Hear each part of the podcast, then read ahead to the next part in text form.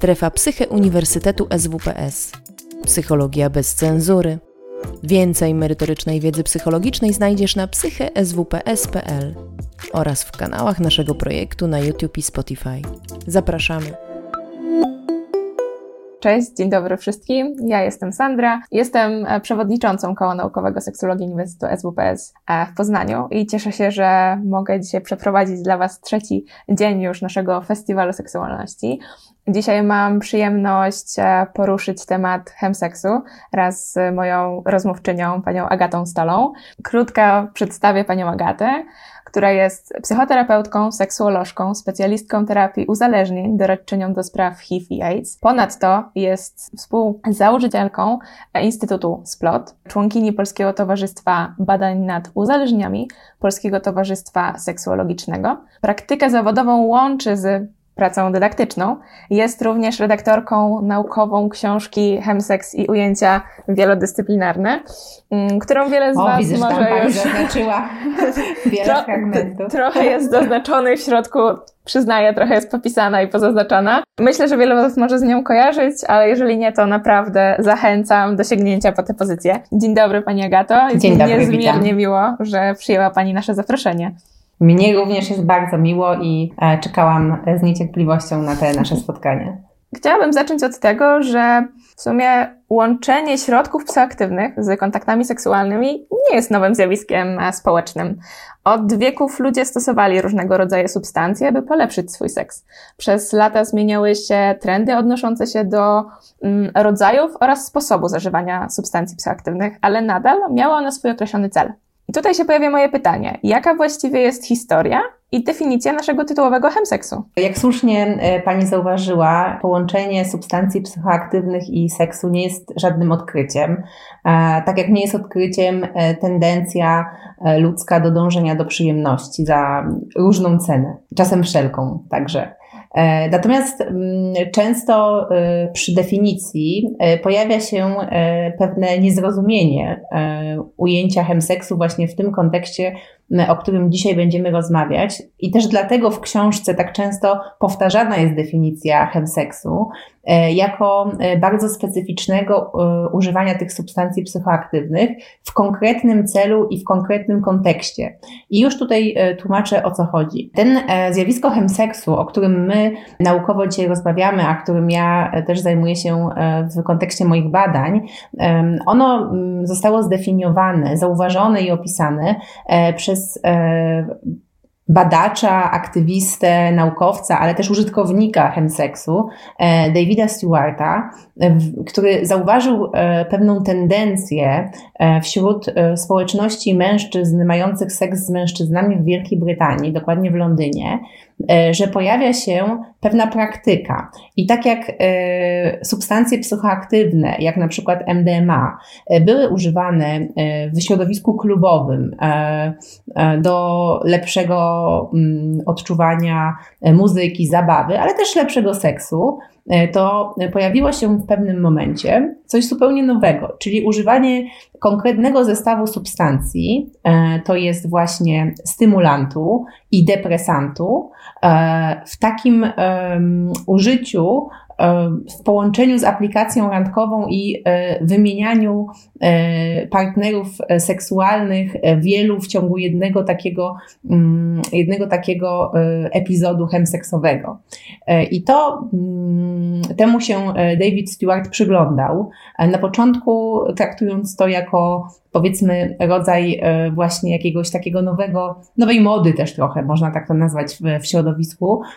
Na początku w ogóle chemsex był e, nazywany, określany jako part and play e, i taka też jakby taka e, e, w pierwszym etapie jakby tworzenia się i jeszcze kreowania trochę te, tej, tej praktyki, to właśnie było to używane właśnie to sformułowanie, potem nadano e, temu już nazwę chemsex. I stąd też e, bardzo specyficzna grupa, do której e, jest ta definicja, o, której jest ta definicja, tak? My tutaj zawężamy naszą definicję chemseksu do MSM, czyli mężczyzn mających seks z mężczyznami.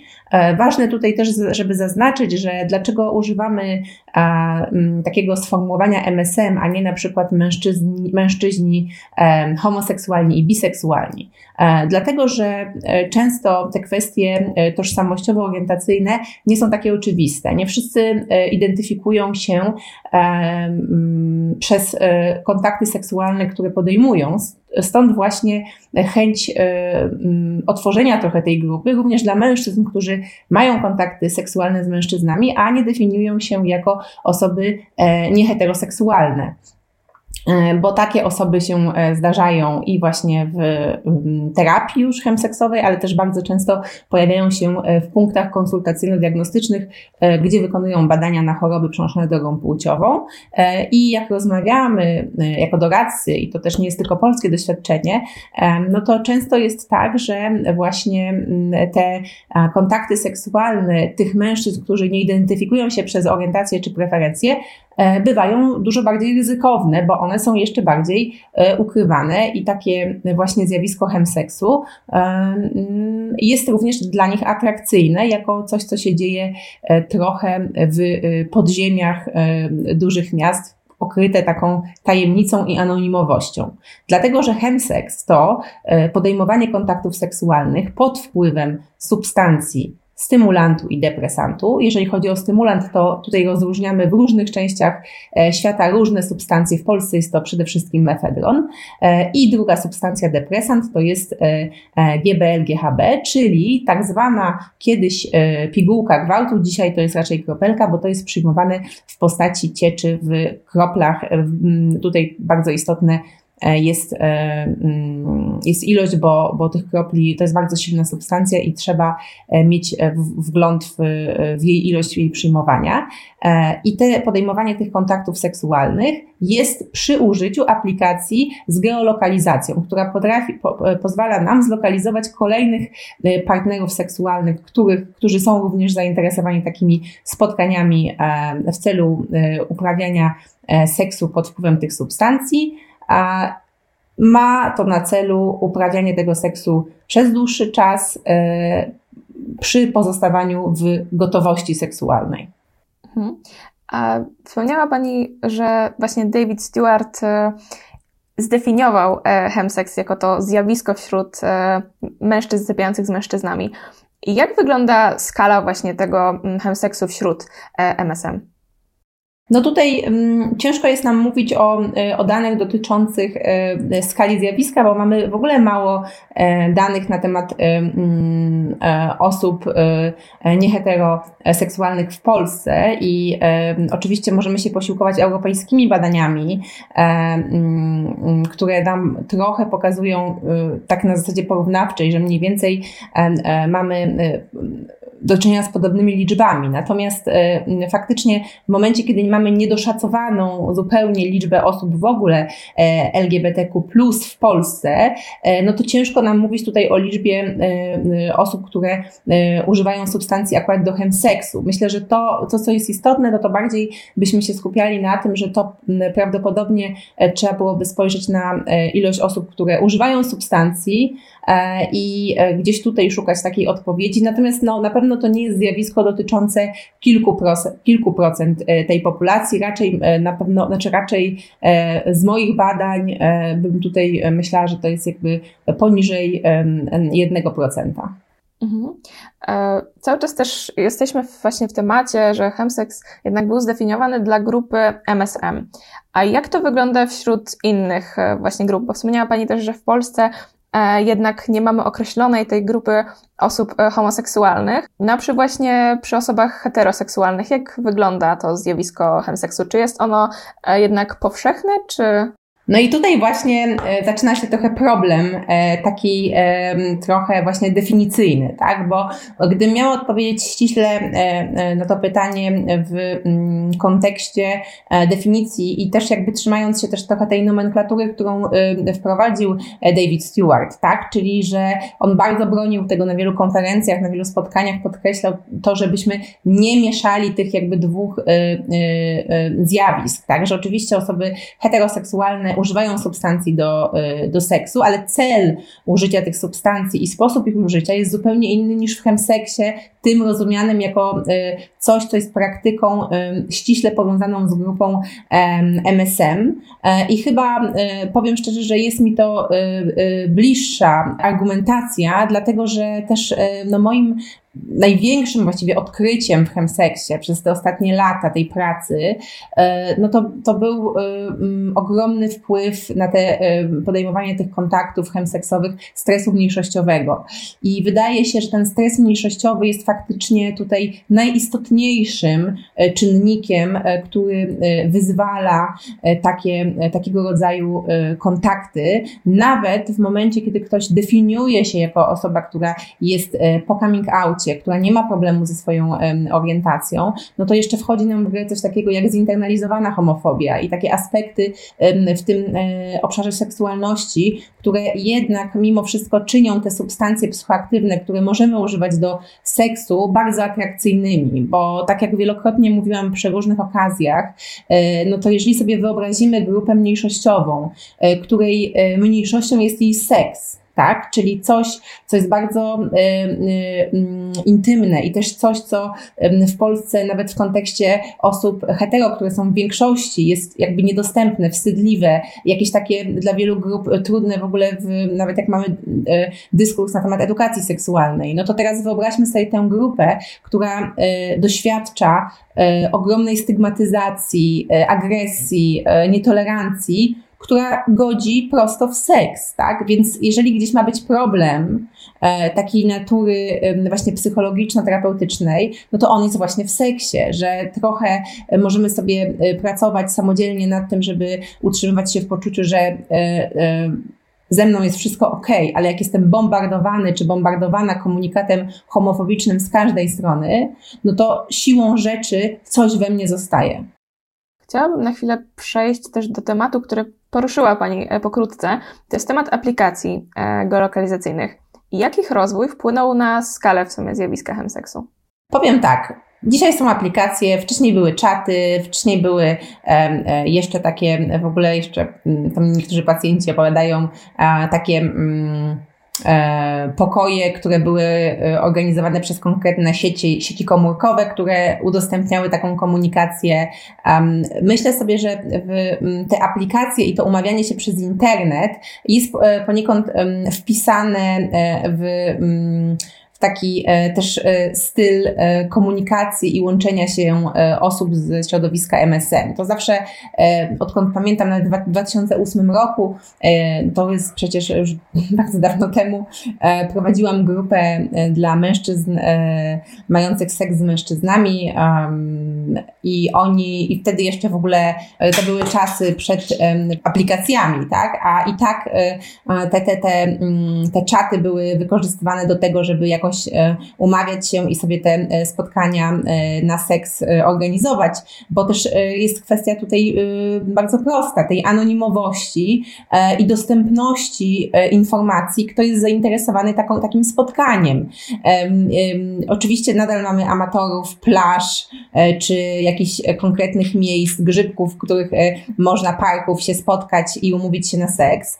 Natomiast to, jest, to się stało niebezpieczne też w dzisiejszych czasach, kiedy każdy może cię nakręcić, zrobić ci zdjęcie, no to ludzie szukają mm, e, w tych umawianiu się na te kontakty, szczególnie jeszcze jak mają, e, jeszcze są nie do końca albo w ogóle nie są e, ujawnieni, no to szukają jak najbardziej anonimowej formy kontaktu, a z, a z drugiej strony realizacji swojej seksualnej potrzeby, tak? No bo pamiętajmy, że, że to, to prawo do satysfakcji seksualnej jest, jest prawem każdego człowieka, więc te osoby też szukają formy realizacji seksualnej no i aplikacja tutaj e, się bardzo dobrze w to wpisuje. One są coraz nowocześniejsze, a geolokalizacja o tyle jest e, komfortowa w chemseksie, że ona pozwala e, skrócić do minimum ten czas, który jest przeznaczony na dojazd do siebie, tak? Czyli de facto tych partnerów można mieć więcej w czasie jednej nocy, niż jakby to było powiedzmy przez SMS-y, dogadywanie adresów itd. itp. Wspomniała Pani o miejscach E, w których. Tak. I chciałam tutaj nawiązać do e, filmu, który w sumie jest dostępny, e, Hemsex, w którym Tam się pojawiają dużo mm, takich lokalizacji jak sauny, jak siłownie, ale też są imprezy organizowane w domach i one są organizowane na, mm, na podstawie statusu HIV. Jak to faktycznie wygląda, że mm, są organizowane takie imprezy, są organizowane właśnie spotkania w takich miejscach? Ciekawą mi kiedyś powiedział rzecz pacjent i ja mam ją tak jakoś, ona jest taka dla mnie bardzo dobrze to opisująca i potem już kolejni moi pacjenci tylko potwierdzali mnie w tym, e, w tym, co usłyszałam od mojego pacjenta, który powiedział, który otwarcie nie miał problemu z tym, żeby przyznawać się na spotkaniach takich grupowych, chemsercowych do tego, że jest osobą seropozytywną, nie miał problemu z tym, że, e, że żyje z HIV. E, i mm, powiedział mi tak, wie pani co, pani Agato, ja to mam czasem wrażenie, jak chodzę na chemsex w Warszawie, że jestem jedynym gejem, który ma HIV. Bo wszyscy są na prepie. Wszyscy mówią, że biorą prep, więc się nie zabezpieczają. Natomiast e, mówienie otwarcie, że mam HIV, mimo że to są substancje, e, anonimowość, geoaplikacje, jest mimo wszystko bardzo trudne. Czyli trochę to wygląda w ten sposób, ten savoir vivre. Nawet kiedyś to spisywałam właśnie sobie, bo to było bardzo interesujące pod kątem profilaktyki i też, też tych materiałów, które przygotowywaliśmy w Fundacji Edukacji Społecznej dla mężczyzn MSM, że um, tematu HIV w ogóle nie ma, tematu e, prezerwatywy tym bardziej nie ma. Jeżeli chodzi o pacjentów, których e, ja przyjmuję, oczywiście tutaj e, nie będę e, mówić za, za całość środowiska, tak, ale z moich badań, gdzie ponad 200 mężczyzn właśnie używających chemseksu trochę przepytałam pod kątem profilaktyki i zabezpieczania się, to prezerwatywa jako taka nie funkcjonuje. I jest to pewne ryzyko wpisane w tę zabawę, tak? Czyli jeżeli idę na chemseks, no to muszę sobie załatwić PrEP, albo po prostu nie interesuje mnie prezerwatywa, bo na przykład jestem osobą żyjącą z HIV i no nie czuję takiej potrzeby, żeby w ogóle o tym rozmawiać, bo jeżeli ktoś przychodzi i się nie zabezpiecza, no to się naraża e, na takie, na takie mm, zakażenie. Natomiast Tutaj warto dodać jeszcze jedną kwestię a propos e, HIV, że e, mogłaby tutaj się odezwać osoba, która stanie w literze prawa i powie, no ale przecież y, polskie prawo zobowiązuje do tego, żeby y, o zakażeniu informować swojego partnera bądź partnerkę seksualną i nie, właściwie nie, że informować, tylko żeby nie narażać świadomie na zakażenie. E, I tutaj e, mm, środowisko prawnicze jest bardzo podzielone. Precedensy europejskie raczej stoją na e, stanowisku, że osoba, która jest na leczeniu i przyjmuje leki regularnie, ma niewykrywalną wiremię, czyli jest niezakaźna, nie może przenieść wirusa na inną osobę, z którą ma kontakt seksualny, nawet bez zabezpieczenia. W związku z tym nikogo nie naraża. Więc mi, dla mnie to jest dużo bliższa e, argumentacja. No i już tak kończąc ten przydługi wywiad, wy, wywód, e, to, to powiem, że e, raczej to, co było, co jakby jest w tym filmie a propos tego statusu HIV, to z mojej wiedzy ten temat HIV w chemseksie raczej nie funkcjonuje. A właśnie chciałam zadać jedno pytanie, ale już mi Pani na nie odpowiedziała w sumie, bo jednak w społeczeństwie jest taki mit, że jednak za to rozpowszechnienie wirusa HIV no, stoją po prostu e, właśnie homoseksualni mężczyźni. W sumie można by było pomyśleć, tak, czy faktycznie zyskiwanie na popularności zjawiska chemsex miało jakiś wpływ na rozpowszechnienie bardziej tego mm, wirusa HIV. Nie wiem, co Pani o tym myśli. Czy to miałoby rację bytu, patrząc na ten mit, który w społeczeństwie jest? Ja to mam taki, ja to bardziej y, słyszę taki mit y, mówiący o tym, że to jest kara za homoseksualizm. To ja się częściej spotkałam z taką argumentacją, że no ten HIV to jest właśnie, to jest ta choroba tych homoseksualistów, którzy są pokarani za tą swoją, ten swój homoseksualizm. No oczywiście bzdura. Y, natomiast faktycznie jest trochę tak, że y, hemseks jest, mimo że HIV tam jako taki e, w komunikacji nie funkcjonuje, no to on jest bardzo połączony z tym zjawiskiem i już tłumaczę dlaczego. To jest też taki syndemiczny model, który pokazuje nam, że mm, osoba, która jest w mniejszości seksualnej, tak, czyli jest, odczuwa stres mniejszościowy związany właśnie z swoją seksualnością, zakaża się HIV, to tworzy nam się taka hybryda, tak, że tutaj jakby dołącza do tego jeszcze stygmatyzacja związana z życiem z HIV, zupełnie, zupełnie niesłuszna w świetle dzisiejszej medycyny, ale jednak e, w Polsce e, medycyna idzie dużo szybciej niż e, światopogląd, w związku z czym, znaczy w Polsce, na świecie medycyna, a w Polsce światopogląd kuleje i powoli się zmienia.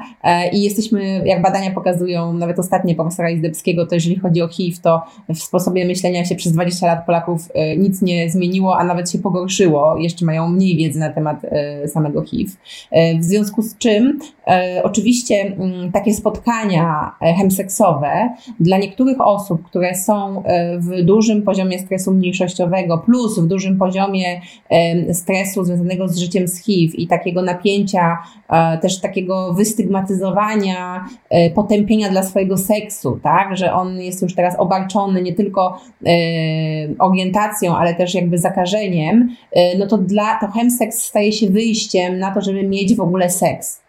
I, no i, i to, że tam nie ma tego tematu, że tam nie ma prezerwatywy, e, jest e, e, pewnego rodzaju ukojeniem dla tego, dla tego podwójnego stresu, ale takim bardzo pozornym, bo ono jest tylko możliwe przy przyjęciu dużej ilości substancji, tak? Czyli de facto przyjmuje substancje i czuje się wolny, czuje się dobrze ze swoim seksem, czuje przyjemność z tego seksu. No to są w tych badaniach Y, pierwsza odpowiedź, dlaczego jestem w chemseksie, wśród mężczyzn właśnie mających seks z mężczyznami w Polsce, to była, bo się czuję po raz pierwszy wolny w moim seksie.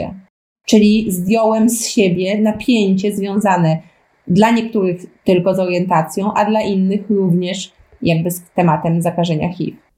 Mówimy tutaj właśnie też o tym, że w sumie kilka razy Pani to wspomniała, że nie używa się tych prezerwatyw, Okej, okay, używamy prepu, więc nie ma tego zagrożenia mm, HIV-em, bo innymi chorobami. Tak, no właśnie wiadomo. o to mi chodziło. Tymi innymi infekcjami czy chorobami przenoszonymi drogą płciową. Tak. Jednak jest to zagrożenie. I chciałam zapytać, jakie inne są jeszcze zagrożenia, które mogą iść e, za chemseksem? No myślę, że tutaj e, oczywiście wszystkie infekcje i choroby e, przenoszone drogą płciową, ale tak z badań wynika, że w odbiorze użytkowników chemseksu nie jest to jakoś specjalnie e, wysoko stawiane zagrożenie. Bardziej to, co, znaczy tak powiem z dwóch perspektyw, tak opierając się na badaniach, które przeprowadziłam. Więc z perspektywy użytkowników największym zagrożeniem chemseksu jest to, że ktoś cię sfotografuje albo sfilmuje i to trafi do internetu i to, że cię okradną. I właściwie e, na tym tutaj jakby pole szkód, które, e, które są tak w takim pierwszym rzucie odczuwane w temacie chemseksu, no to, to się kończy. E, oczywiście w badaniach z doktorem Kowalczykiem, które prowadziliśmy, a zrobiliśmy też taki podział na tych użytkowników, którzy są na początku chemseksu, w trakcie i ci, którzy już się leczą z chemseksu, więc jak można się spodziewać, ci, co się już leczą, to dostrzegają tych szkód bardzo dużo, no bo przede wszystkim zdrowotnych, to jakich e, chemseks wyniszczył, jakie e, e, wprowadził straty finansowe, życiowe, relacyjne w, w ich życiu, ale ci, co są na początku albo mniej więcej tak jeszcze czują duży fan z tego bycia w chemseksie, to tych strat jeszcze tak nie doświadczają. Właściwie ten moment doświadczenia straty to jest ten moment, kiedy prawdopodobnie osoba zacznie szukać jakiejś pomocy terapeutycznej, tak? I ona wtedy trafia tudzież do specjalisty terapii uzależnień, specjalistki czy seksuolożki, seksuologa, bo tak mniej więcej e, dwutorowo E, ci pacjenci chemseksowi trafiają e, w, do placówek, które oferują pomoc.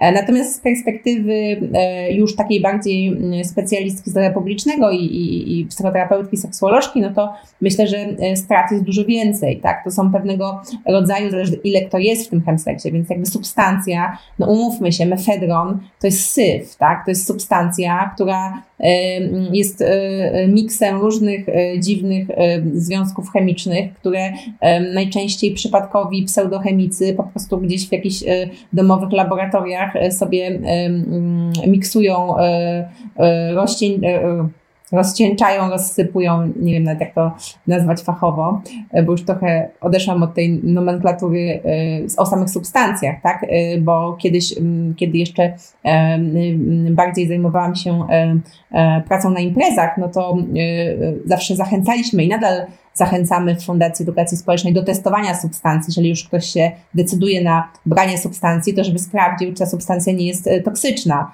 E, w przypadku mefedronu zazwyczaj każdy test wskazuje, że jest toksyczna, bo tam po prostu są domieszki różnych substancji, a e, GBL, GHB, no to umówmy się, to jest substancja w wulkanizacji stosowana, tak? W związku z czym no to, jest, mm, to są substancje, które w tych ilościach, jak chemseks potrafi dla niektórych użytkowników trwać od piątku do niedzieli, a czasem nawet od do środy, e, no to, to takie osoby są w stanie e, przyjąć, no nie wiem, do pięciu, no mój rekordzista to przyjął e, przez taki tydzień 9 gramów mefedronu, no to to jest ogromna, ogromna ilość substancji, a potem się jeszcze w pewnym momencie wciąganie nie przynosi już odpowiedniego efektu, w związku z tym jest przerzucenie się na iniekcję, która generuje dodatkowo jeszcze ryzyko, e, tudzież e, przedawkowanie takie e, śmiertelne, no bo wtedy jak ta substancja jest wstrzyknięta, no to jest to jeszcze bardziej niebezpieczne niż, niż wciąganie. Zresztą też ja tak pracuję w duchu redukcji szkód z niektórymi pacjentami, że zaczynamy w ogóle od tego, żeby wyjść z iniekcji i przejść na wciąganie, przyjmowanie jakby donosowe i dopiero potem tak jakby iść dalej, bo nawet ta mała zmiana na rzecz poprawy zdrowia już jest bardzo znacząca w przypadku tych użytkowników. W trakcie naszej rozmowy padło kilka nazw e, właśnie środków psychoaktywnych. I mam pytanie, dlaczego właśnie te są wybierane? Co one dają użytkownikom? Mhm. No tutaj to też y, myślę, że warto nawiązać do Pani poprzedniego pytania a propos tej różnicy między osobami heteroseksualnymi i nieheteroseksualnymi, że trochę inne substancje będą atrakcyjne, inne połączenia dla takich osób i inne wybierają w seksie. No i też będzie ogromna różnica pomiędzy płcią, że osoby, które nie posiadają penisa, będą zupełnie inaczej e, e, mm, patrzeć na substancje psychoaktywne i czego innego szukać, tak? Bardziej w obszarze pożądania, e, takiej aktywizacji swojej seksualności, czy właśnie uwolnienia. No a w przypadku mężczyzn mających seks z mężczyznami, tutaj można to nazwać, upraszczając trochę tą też hydrauliką, tak? Że ta, ten stymulant ma za, zagwarantować gotowość tego penisa do podejmowania kontaktów seksualnych przez długi czas i mm, nie zawieść e, tego właściciela tego penisa, tak? W, w kontekście e, e, takiej grupówki. To też ważne, że to są te kontakty, które trwają kilka, kilkanaście godzin. One nie mają prowadzić do, do wytrysku, do jakby uzyskania jakby tej, tej ostatniego etapu, jeżeli chodzi o satysfakcję seksualną, tylko właśnie utrzymywania w takim poziomie bardzo wysokiej przyjemności, a jednocześnie cały czas gotowości w tych kontaktach seksualnych. No i tutaj dlatego właśnie jest ważny ten stymulant. Natomiast depresant e, GBL-GHB e, działa właśnie w obszarze e, tutaj pożądania i też takiego mm, obniżania lęku w kontekście granic naszych, tak? w, w kontekście wstydu, E, w seksie. No, nie bez powodu e, pigułka gwałtu, tak? bo, bo podawana, e, czy kropelka gwałtu, bo podawana osobom bez ich wiedzy po to, żeby one mm, mogły, znaczy żeby jakby oddały się w kontekście seksualnym, żeby można było je wykorzystać. Taki, taki, taki jest właśnie cel podania tej substancji przy nadużyciu seksualnym czy, czy, czy, czy, czy gwałcie. No, to jest Mm, y, to jest substancja, która powoduje rozluźnienie, czyli mamy z jednej strony napięcie, gotowość, często też y, właśnie ten mefedron jest również właśnie wcierany pod napletek w penisie, a z drugiej strony przyjęcie substancji, która e, daje się rozluźnić w kontekście e, takiego e, seksualnego wejścia w swoje obszary fantazji, preferencji, obniżenia wstydu. Chciałam przejść do tematu uzależnień, bo wiemy, że od chemseksu można się uzależnić. Wspomniała mhm. też Pani o tym. E, I chciałabym zapytać, jak w ogóle diagnozować uzależnienie od chemseksu? Tak jak każde inne. Kryteria są y, uniwersalne e, dla każdego z y, rodzajów uzależnienia. No, najważniejsze e, jest to e, odczuwanie tej, tej szkody, tak? niekontrolowanie substancji, rosnąca tolerancja i też faktyczne zmiany negatywne w życiu osoby, która, która przyjmuje substancje, a w środowisku społeczno-relacyjnym, też takim zawodowym, tak? No, to jest tak, że tutaj e, muszą być spełnione konkretne kryteria, żebyśmy mówili o, o uzależnieniu. E, natomiast rozróżniamy jeszcze coś takiego jak szkodliwe używanie, tak? Czyli osoba nie musi być uzależniona od razu od substancji, żeby już e, kwalifikować się na terapię, bo samo szkodliwe używanie, czyli nie wszystkie kryteria muszą być spełnione albo nie muszą być spełnione te, te, te, te, te cztery podstawowe kryteria, ale terapeuta, terapeutka ocenia, że jednak szkody są duże e, i nawet jeżeli one dotyczą tylko jednego obszaru, no to też już jakby taka osoba e, jak najbardziej może skorzystać z oferty e, terapii uzależnień. To, co jeszcze jest ważne w kontekście uzależnienia, no to tutaj mamy często taki, takie pytanie, czy, to, czy chemseks to jest uzależnienie od seksu. Według mnie nie mówimy o czymś takim jak uzależnienie od seksu. Możemy mówić o kompulsywnych zachowaniach seksualnych i tutaj E, bardzo dobrze e, e, opisuje to zaraz jakby już wchodząca nowa klasyfikacja ICD-11, która będzie jakby właśnie dobrze rozróżniała już te kwestie kompulsywnych zachowań seksualnych i hiperseksualności. Jest to w tej chwili tłumaczone i myślę sobie, że ważne, żeby właśnie nie rozumieć chemseksu jako behawioralnego uzależnienia od seksu, bo to jakby nie ten model. A jak w sumie pracować z, e, z pacjentami, którzy mają, którzy są uzależnieni od tego chemseksu?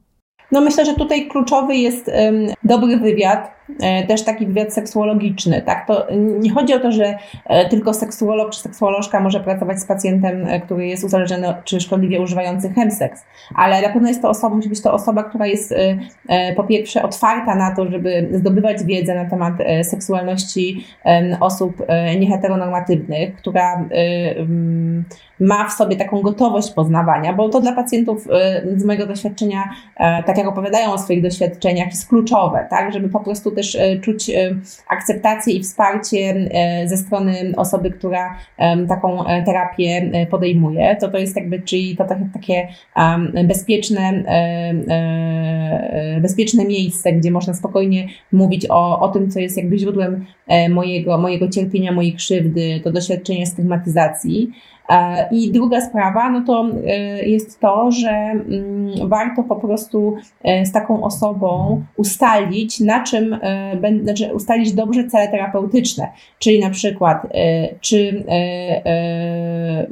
ta osoba jest w relacji, czy nie jest w relacji, czy ona mm, odczuwa większą szkodę kontekście właśnie e, substancji psychoaktywnej, czyli że nie jest w stanie nie przyjmować, że ma ochotę przyjmować nie tylko do seksu, tylko na przykład też ma ochotę przyjmować e, substancje po prostu e, mm, samemu w domu, nie w seksualnym kontekście, czy ta osoba odczuwa jakieś lęki wobec, czy jakieś dysfunkcje, już nawet nie lęki, tylko dysfunkcje faktyczne, kiedy podejmuje kontakty seksualne na trzeźwo, czy w ogóle podejmuje kontakty seksualne na trzeźwo.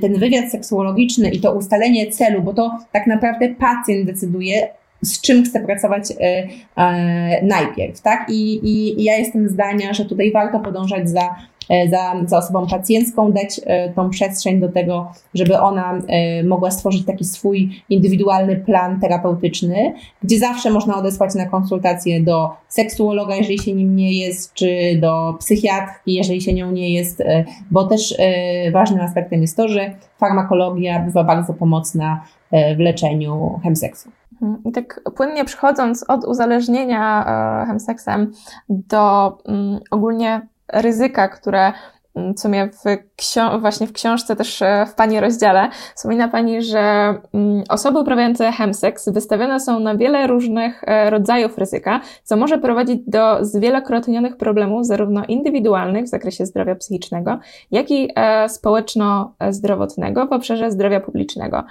I chciałam zapytać, jak w takim razie zapewnić osobom narażonym na to ryzyko związane z chemseksem pomoc w redukcji tych szkód? No myślę, że mm, tak, takim e, szerszym e, socjologicznym e, aspekcie i takim też może socjologiczno, ale też w obszarze zdrowia publicznego, no to najważniejszym, jakby naj, tym, co możemy zrobić wszyscy, to jest jakby to jest przeciwdziałanie wykluczeniu i homofobii, tak? Bo im będziemy mieli w społeczeństwie niższy poziom homofobii, im będzie mniej tych homofobicznych e, e, czynów wobec osób nieheteronormatywnych, tym chemseks przestanie być aż tak atrakcyjny.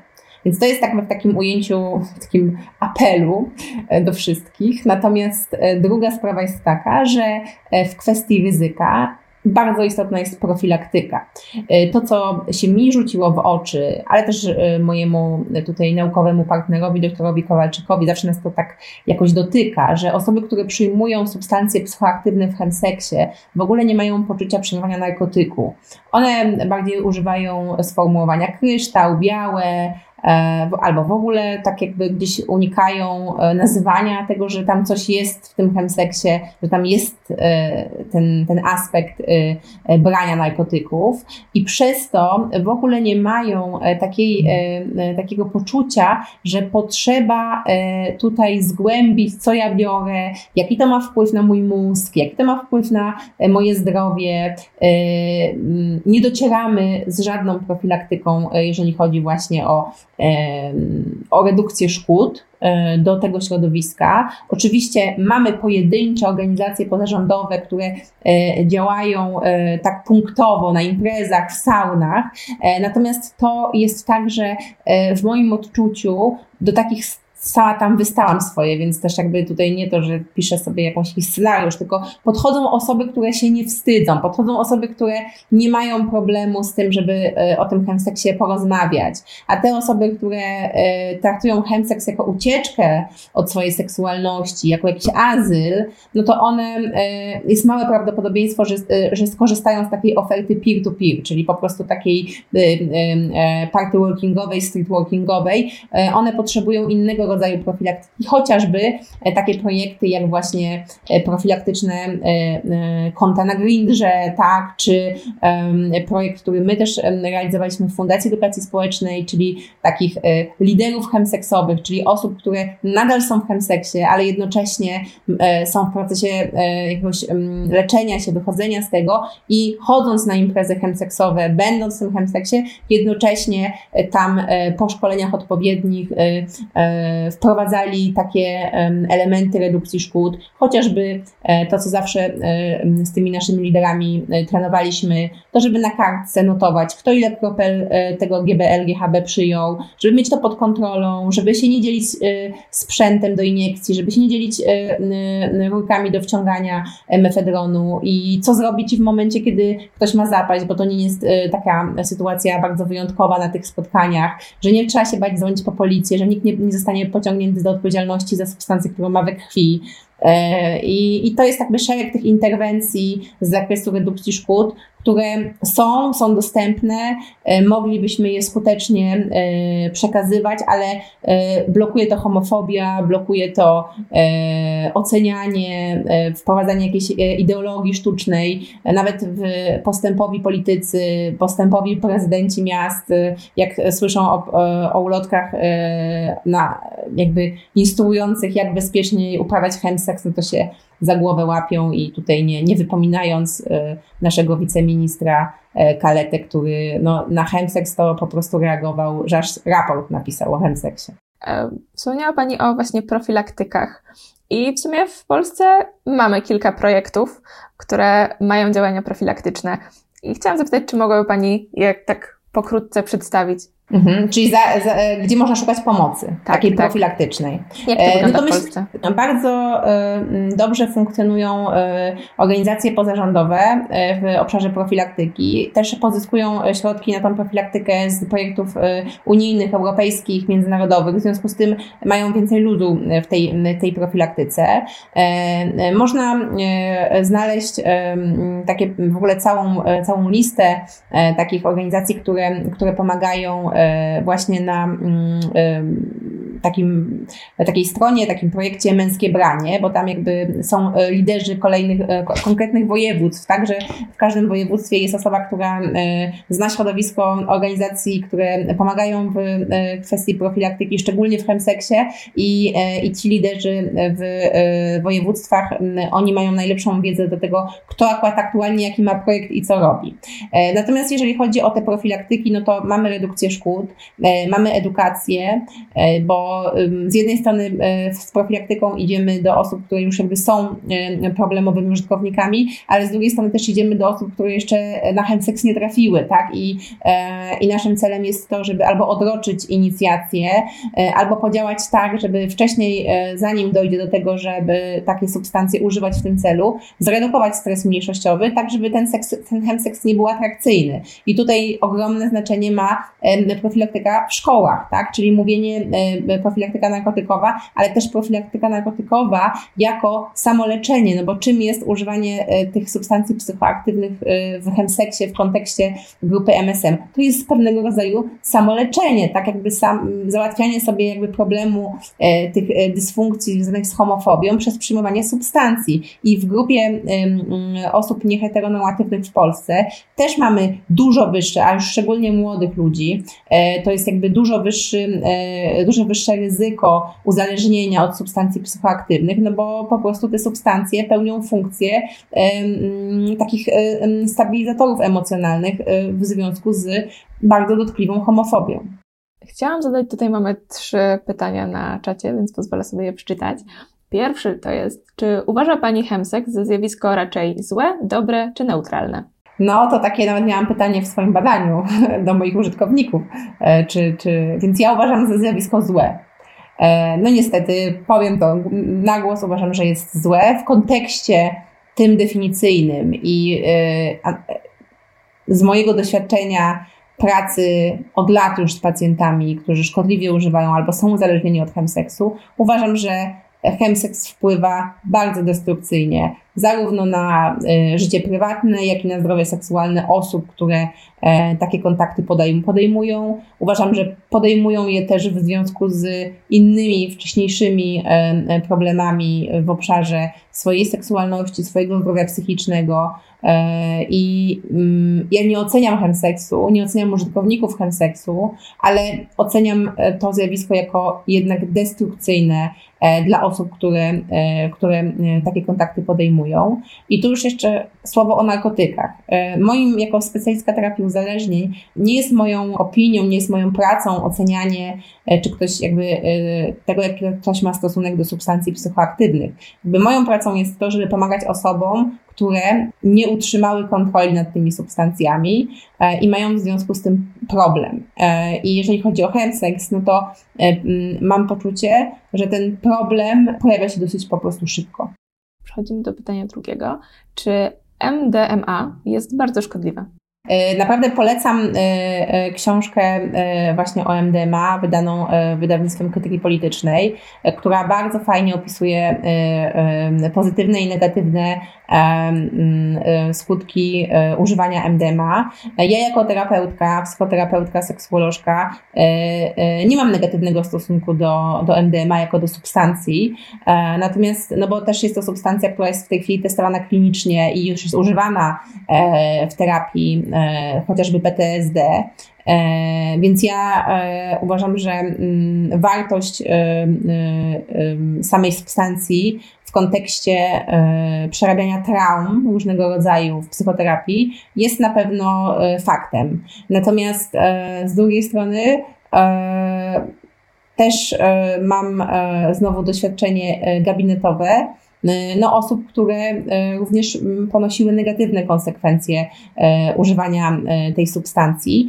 I myślę, że to jest jak z każdą substancją psychoaktywną, że zawsze będzie tak, że ktoś, komu pomogła, będzie mówił, że ta substancja jest super, i na, to, na, po drugiej stronie pojawi się ktoś, kto powie, że po MDMA E, nie wiem, doświadczył e, czegoś bardzo krzywdzącego i poniósł ogromną szkodę i będzie właśnie na stanowisku, że no, narkotyki to narkotyki i one są e, złe.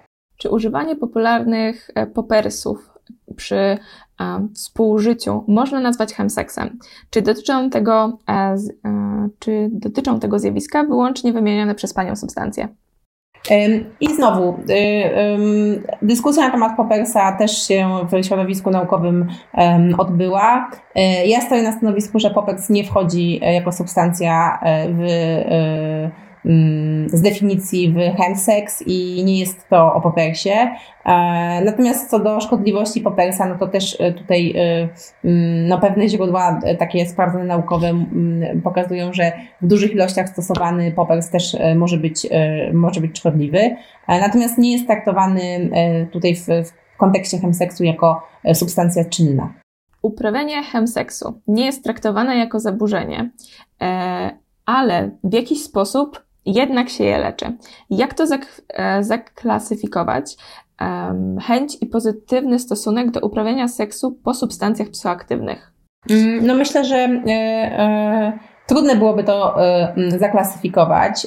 Raczej e, stałabym na stanowisku, że warto skupić się na tym, jakie są przyczyny, jakie są skutki tak, e, tego uprawiania chemseksu. E, dlatego, że jak, do, jak słusznie tutaj w pytaniu było zauważone, sam chemseks jest neutralny, tak, znaczy w sensie takim, że on nie jest, to nie jest jednostka, e, nie choruje się na chemseks, tak, tylko mm, chemseks przynosi pewne szkody, które możemy zaklasyfikować jako już mm, jednostki chorobowe, czyli możemy mieć uzależnienie, możemy mieć zakażenie HIV, możemy mieć załamanie nerwowe, możemy mieć depresję, depresję, e, możemy mieć zaburzenia erekcji, zaburzenia pożądania, tak? Czyli de facto e, mm, chemsex będzie dla nas taką informacją, jeżeli ktoś podejmuje tego typu e, kontakty, do tego, że w pewnych obszarach trzeba diagnozować, sprawdzić i postawić diagnozę, czy, czy dana jednostka chorobowa, czy dane zaburzenie tej osoby dotyczy. Zbliżamy się już do końca, więc zadam ostatnie pytanie. Czy da się rozważnie uprawiać chemseks, tak by później seks bez używek nie wydawał się niewystarczający? Rozważnie i romantycznie, żeby mi się skojarzyło. E, to ciężkie pytanie. E, odpowiem jak e, rasow, rasowa naukowczyni. To zależy. E, myślę, że e, czynniki indywidualne mają tutaj e, ogromne znaczenie. Jeżeli ktoś kilka razy poszedł na chemsex i specjalnie nie znalazł w tym chemseksie jakichś takich czynników które bardzo nim zawładnęły, to prawdopodobnie dla tej osoby nie będzie to bardzo szkodne. Znaczy w sensie to będzie jakieś doświadczenie i pójdzie dalej e, ze swoim dobrym seksem. Ale e, ja bym się tutaj e, skupiła na tym, z czym się wchodzi w chemseks. Jakby z jakim poziomem stresu mniejszościowego, z jakim stosunkiem do swojego seksu. Jak ktoś ma dobry stosunek do swojego seksu, akceptację, akceptację środowiska, to oczywiście zawsze będzie miał trochę tej zinternalizowanej homofobii, ale prawdopodobnie będzie e, dużo łatwiej pozostać neutralnym wobec tego zjawiska i po prostu potraktować to jako przygodę, a nie jako coś, co załatwi mi temat mojego seksu. Natomiast ważne jest też to, że jednak większość osób jest kompletnie poza seksem, tak? To jest tak, że po prostu to środowisko Grindra i tych użytkowników chemseksu warszawski, warszawskie ma takie poczucie, że w ogóle wszyscy uprawiają chemseks, że to jest coś, że w ogóle nie ma świata, nie ma Warszawy bez chemseksu. I potem e, patrzymy na jakieś e, statystyki, badania, tak? I się okazuje, że jednak większość e, gejów w Warszawie jest poza chemseksem i w ogóle nie przychodzi im do głowy to, żeby iść na chemseks, więc jednak takie czynniki też to właśnie w tym naszym badaniu z doktorem Kowalczykiem sprawdzaliśmy. Dlaczego E, jakie są e, wyniki e, jakości życia seksualnego, coming outu, w ogóle zadowolenia z życia osób, które w ogóle o chemseksie nie, nie słyszały, a są ujawnionymi gejami, a jakie są właśnie te komponenty u osób, które są w chemseksie i na przykład bardzo ryzykownie tego chemseksu używają. Ja bym chciała bardzo, bardzo podziękować za rozmowę i jeszcze raz polecić z całego serca. Naprawdę jest świetna, więc polecam wszystkim, jeżeli dziękuję chcą się bardzo. dowiedzieć więcej. W swoim i doktora i wszystkich e, współautorów. Bardzo dziękuję. Dziękuję ślicznie.